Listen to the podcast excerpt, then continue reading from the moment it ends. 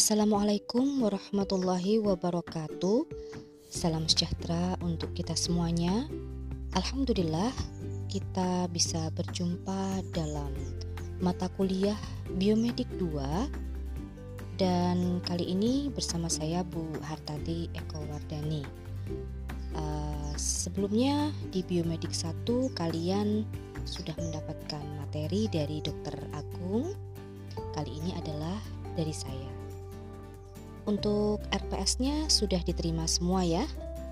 Nah, jadi di pertemuan hari ini insya Allah saya akan bahas sedikit tentang apa saja sih yang akan dibicarakan selama satu semester ini ya.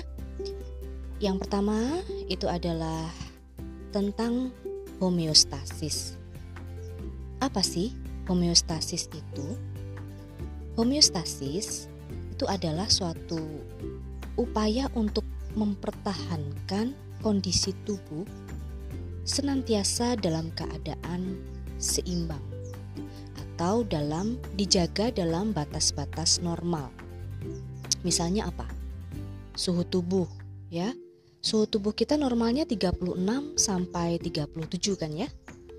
Nah, tetapi memang pada kondisi-kondisi tertentu bisa lebih dari itu, misalnya kita demam. Ya, lebih dari itu atau kurang dari itu misalnya pada keadaan yang sangat dingin di cuaca yang dingin.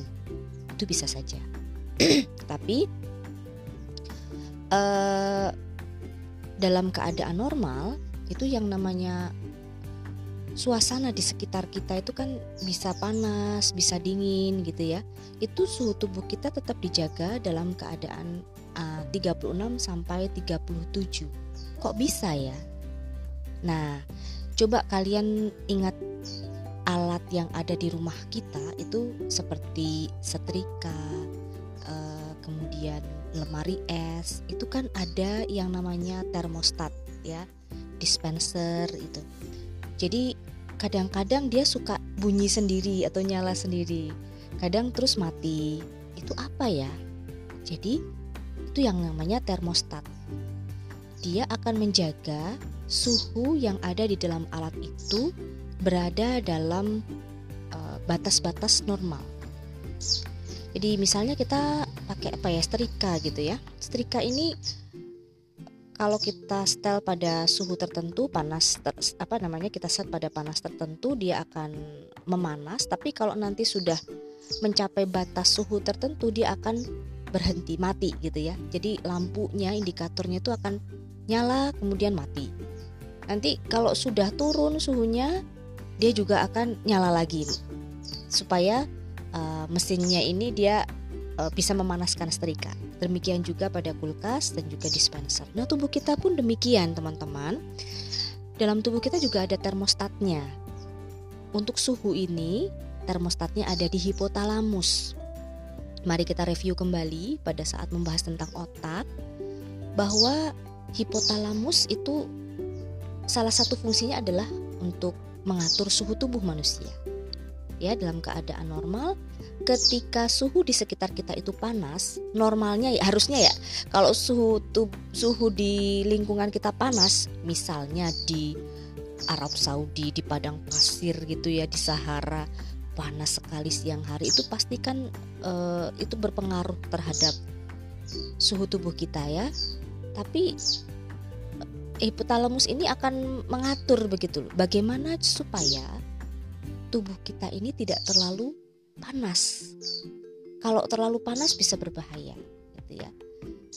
Nah, akan ada suatu mekanisme bagaimana supaya suhu tubuh kita di dalam ini bisa diturunkan.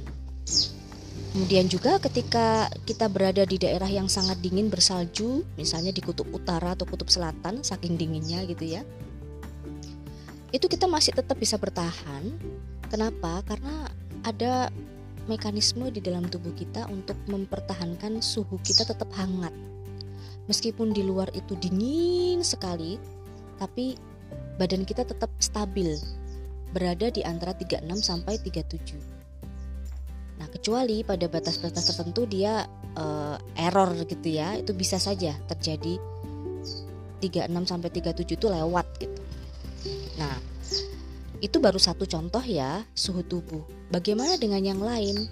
Ada glukosa darah, ada oksigen, ada pH, ya macam-macam. Itu nanti kita akan bahas di homeostasis.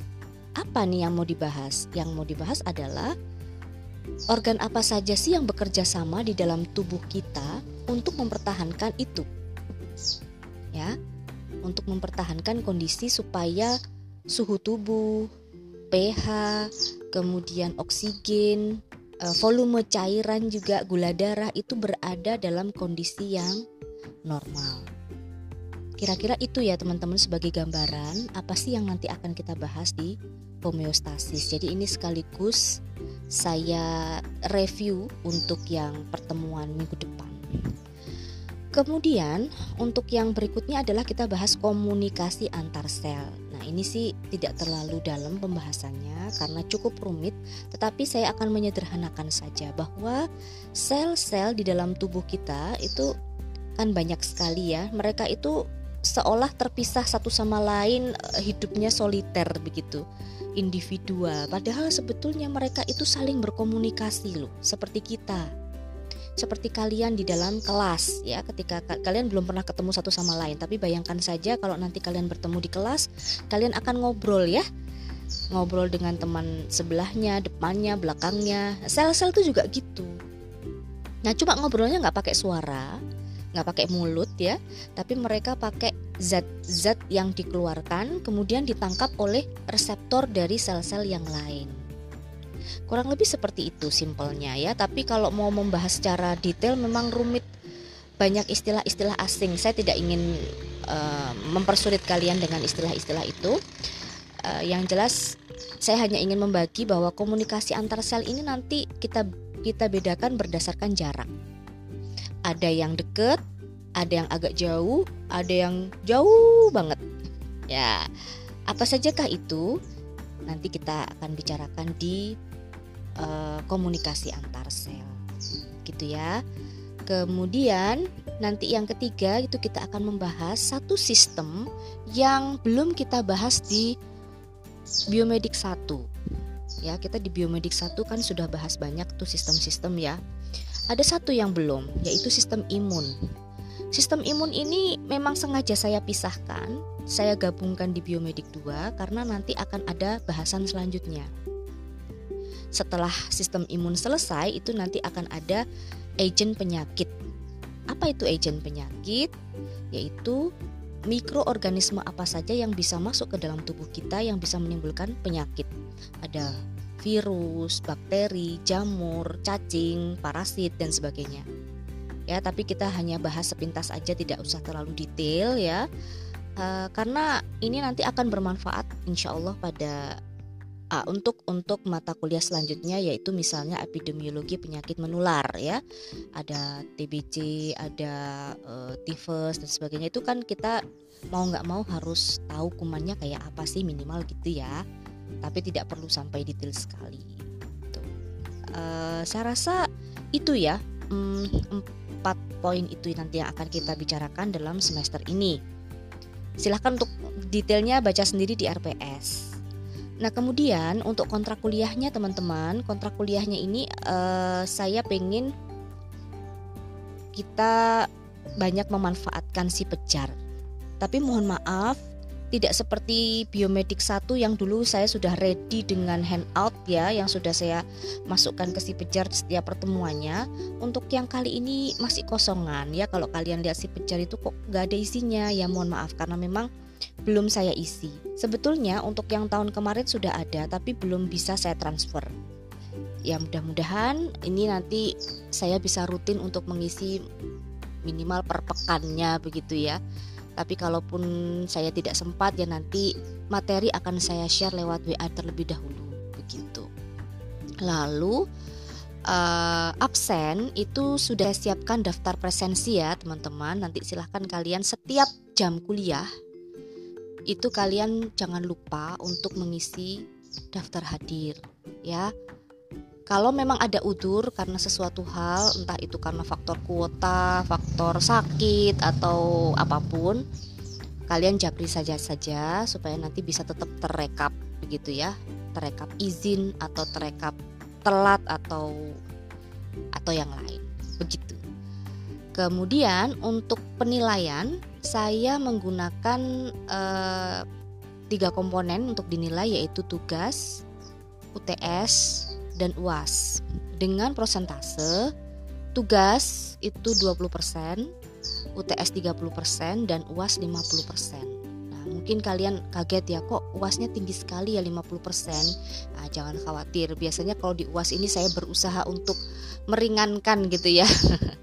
saya meringankan uh, soal gitu, bobot soal. Bisa juga nanti kalau kalian ada kekurangan di situ kita bisa adakan remedi gitu. Saya dari pengalaman kalau UAS biasanya itu saya pakai uh, apa namanya esai atau voice note. Jadi kalian nanti menjawabnya dengan menggunakan uh, voice note ya. Mungkin bagi offering C dan D belum pernah ketemu saya bisa tanya-tanya sama offering A dan B gitu. Seperti apa sih bentuknya? Dan dari pengalaman saya rasa uh, berjalan dengan baik gitu. Insya Allah. Dan nilainya juga baik ya. Kemudian apalagi ya? Kontrak kuliah. Uh, saya untuk pertemuan Google Meet sebetulnya pengen banyak ketemu gitu ya, pengen sering-sering ketemuan dengan Google Meet tapi ada aturan yang membatasi tidak boleh terlalu sering. Jadi kita mungkin banyak diskusi di grup WA saja atau sesekali lah kita nanti bisa chat di di, di si pejar ya. Cuman nanti belum saya kondisikan ini untuk kapan kita ada diskusi tersebut. Lalu yang terakhir adalah uh, siapkan buku catatan ya. Untuk yang offering A dan offering B kemarin semester kemarin sudah menyiapkan buku catatan, boleh dilanjutkan buku itu. Atau mau pakai buku lain juga boleh. Jadi judulnya sudah beda Biomedik 2 ya. Tapi kalau buku yang kemarin masih ada silahkan boleh dipakai. Tapi untuk offering C dan D karena semester yang kemarin belum sama saya, maka tolong untuk yang sekarang ini siapkan buku catatan. Lo buat apa? Karena saya senang kalau kalian itu bisa retelling ya, menceritakan kembali apa yang kalian pahami itu ke dalam buku catatan. Jadi catatan ini sifatnya bukan untuk uh, mencatat ulang PPT, handout atau apa ya materi yang sudah ada, tetapi berusaha untuk create sendirilah apa dengan bahasa kalian sendiri sepemahaman kalian buku catatan bebas mau diapain mau diorek-orek mau dikasih hiasan mau kalian print foto dari apa gambar-gambar dari internet digunting ditempel atau kalian gambar sendiri dengan kresek kalian silahkan. Itu ya. Terus selain itu berdoa. Nah doa ini sangat penting ya teman-teman. Mumpung ini masih di pertemuan pertama meskipun bukan mata kuliah pertama kalian tapi tolong kalian berdoa agar semester ini berjalan dengan lancar, barokah, dan bermanfaat dunia akhirat. Lalu juga jaga adab kalian selama kuliah, ya. E, tidak hanya untuk semester ini saja, tidak hanya untuk di biomedik, tapi juga untuk mata kuliah lain semuanya sampai kalian tuntas selesai dari IKM. Apakah itu? Kalian harus bersikap tawaduk tidak boleh keminter istilahnya gitu ya. Boleh kalian itu pinter tentu saja kami senang kalau kalian pinter tapi jangan keminter. Artinya ketika kalian e, merasa lebih tahu dari dosennya, kalian punya adab untuk bagaimana berbicara yang baik. Mungkin bisa japri gitu ya, Bu maaf atau Pak maaf sepertinya yang Bapak jelaskan itu salah. Saya pernah dengar begini-begini. Itu silakan disampaikan dengan bahasa yang sopan, bisa japri kalau di grup juga boleh tapi yang penting tidak menyinggung perasaan dosen. Oke? Doakan selalu dosenmu. Kalau yang beragama Islam ya, yang muslim silahkan boleh untuk membaca Al-Fatihah sebelum e, belajar. Setiap kalian mau belajar. Ya. Itu akan berbeda nanti efeknya untuk kalian. Itu akan senantiasa saya ulang-ulang ya. Karena kami pun saya pribadi itu juga demikian. Kalau mau mengajar saya berdoa dulu ya Allah, berikanlah pemahaman untuk saya dan juga untuk mahasiswa saya. Karena yang bisa memahamkan kita kan hanya Allah ya, yang memahamkan kita itu bukan bukan siapa-siapa, itu Allah. Bukan karena kita pinter. Ya, kepintaran kita juga karena Allah kok semuanya. Itu jadi tidak ada sedikit pun yang bisa kita sombongkan di dunia ini. Kalau Allah bilang ambil ya ambil gitu. Apa yang sudah kita punya diambil lagi. Tolong jangan sombong ya. Kemudian eh, apa namanya jangan berprasangka buruk terhadap dosen. Seperti apa pun dosennya kalian nanti kalau sudah ketemu langsung dengan dosen kalian akan menyaksikan karakter dosen itu macam-macam ada yang sabar ada yang uh, mudah marah egois ada yang sok gimana gitu ya. Tolong sabar. Bersabar dan kemudian uh, kalian berprasangka baik lah oh mungkin pak ini sedang ada masalah di rumah jangan pernah berpikir dosen itu mempersulit. Nah, biasanya itu muncul nanti ketika sudah skripsi gitu ya, sudah pada tahap akhir mau lulus kalian aduh kok skripsiku nggak nggak kunjung di ACC ya bolak balik disuruh memperbaiki ini ini ini. Wah ini mempersulit. Nah ini jangan sampai kalian berpikir seperti itu. Kami semua ingin kalian mendapat yang terbaik. Ya. Kemudian kalau ada masalah, silakan diselesaikan baik-baik dengan dosen yang bersangkutan. Jangan mudah untuk uh, curhat ke orang tua yang nggak baik tentang dosen. Nanti khawatir orang tuamu termasuk tipe yang emosian, kemudian uh, apa namanya tiba-tiba punya inisiatif untuk melabrak dosennya gitu. Itu jangan sampai terjadi seperti itu ya teman-teman. Aduh eman. Jangan sampai apa yang sudah kalian dapatkan selama ini menjadi sia-sia saya rasa itu dulu apa yang bisa saya sampaikan. Terima kasih banyak. Eh, selamat belajar, semoga sukses. Doakan kami semua ya. Terima kasih. Assalamualaikum warahmatullahi wabarakatuh.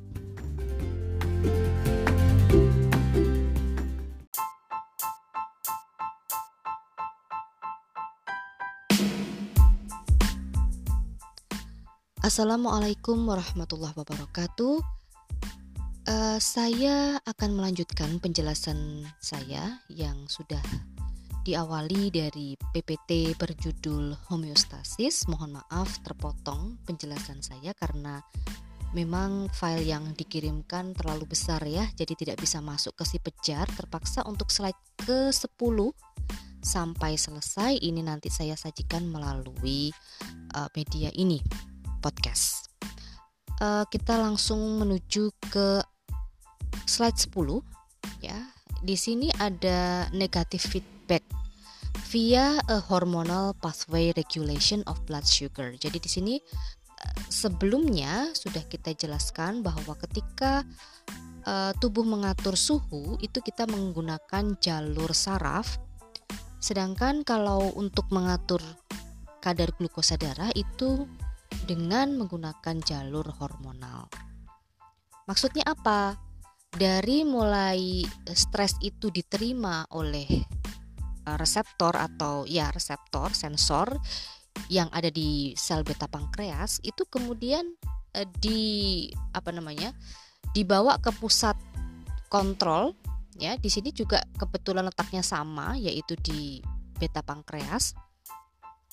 Itu untuk menghasilkan atau untuk melepaskan suatu hormon. Jadi tidak tidak saraf ya, bukan berupa saraf tapi berupa hormon, dikeluarkan hormon. Hormon ini nanti akan dilepaskan ke darah, kemudian akan diterima oleh reseptor. Siapakah reseptornya? Reseptornya adalah otot dan liver, ya. Dan uh, yang terjadi adalah proses absorpsi, ya, absorpsi dari glukosa uh, menuju ke liver dan otot-otot skeletal. Uh, kemudian di sini juga dalam slide ini terjadi absorpsi uh, asam amino juga, ada sintesis protein juga, kemudian juga sintesis lemak ya. Uh, gula ini nanti setelah masuk ke dalam liver maupun ke ke otot itu akan dibentuk disimpan gitu ya terjadi proses yang namanya glikogenesis atau pembentukan glikogen.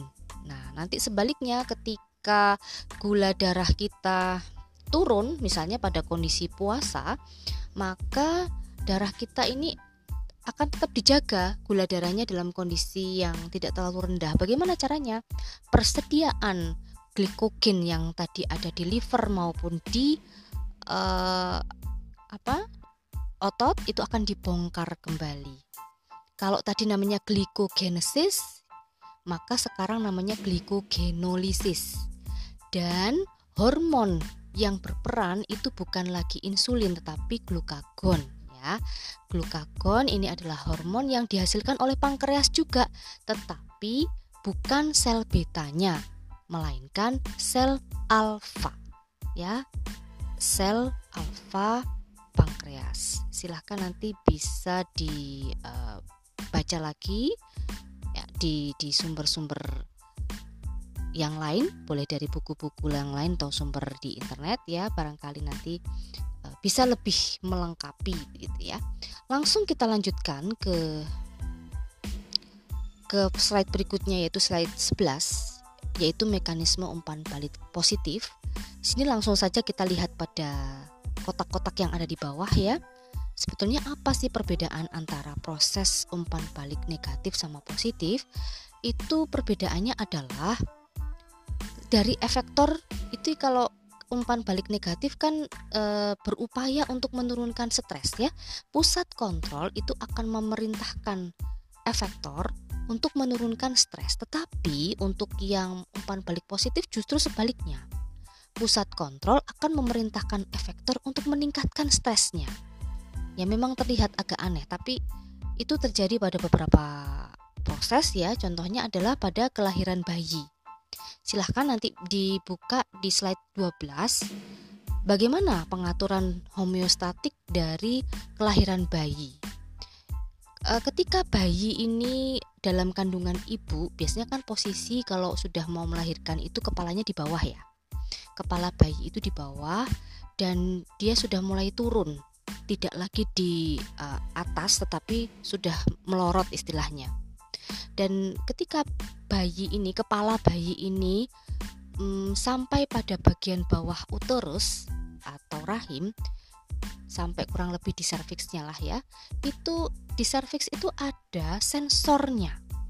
Ya, sensor berupa apa? Sensor eh, tekanan. Jadi kalau dia tertekan oleh kepala bayi, maka dia akan langsung mengirimkan sinyal saraf ya. Ini jalur saraf ke hipotalamus untuk nanti memerintahkan memproduksi oksitosin. Masih ingat ya, oksitosin diproduksi di mana? Kemarin pada saat ujian itu banyak yang menjawab diproduksi di hipotalamus. Ya memang mungkin ada beberapa sumber ya. Tetapi sejauh pengetahuan saya yang terbanyak itu menyebutkan oksitosin ini diproduksinya di hipofisis posterior ya. Tapi mungkin ada juga yang mengatakan ada di hipotalamus tapi kita sepakati saja untuk sekarang ini oksitosin itu diproduksinya adalah di hipofisis posterior. Ketika hormon oksitosin ini dilepaskan, dia masuk ke dalam darah. Jadi ini anu ya, e, e, e, kombinasi ini antara antara saraf sama hormon ini.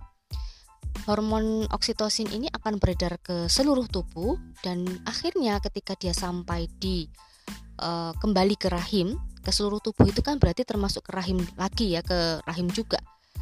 Di situ akan diterima oleh reseptor juga di di rahim.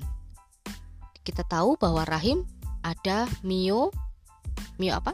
Miometrium ya. Lapisan dari rahim itu ada yang tengah namanya miometrium di mana kalau dia kena hormon oksitosin dia langsung meningkatkan kontraksi. Dia akan kontraksi dengan tujuan untuk mendorong agar bayinya ini keluar. Ya, kemudian ini akan diterima lagi oleh reseptor yang ada di tadi, yang sudah kita sebut di awal tadi apa? Ehm, reseptor yang terdapat di serviks dan ini akan kirim sinyal lagi ke hipotalamus. Hipotalamus akan mengirimkan uh, pesan lagi untuk hipofisis posterior menghasilkan oksitosin. Oksitosinnya tambah banyak, balik lagi ke uterus dan itu akan terus terjadi. Sampai kapan? Sampai bayinya lahir. Nah, ini adalah contoh dari umpan balik positif. Untuk di slide ke-13 itu juga sama tetapi ini proses dari pembekuan darah. Silahkan nanti kalian baca sendiri dipahami. Bisa didiskusikan juga dalam kelompok ya. Uh, dan juga sama yang slide ke-14 ini tolong nanti kalian diskusikan dan mungkin akan ada tugas juga setelah ini saya share di si Pijar ya. Saya rasa itu dulu penjelasan dari saya. Terima kasih. Assalamualaikum warahmatullahi wabarakatuh.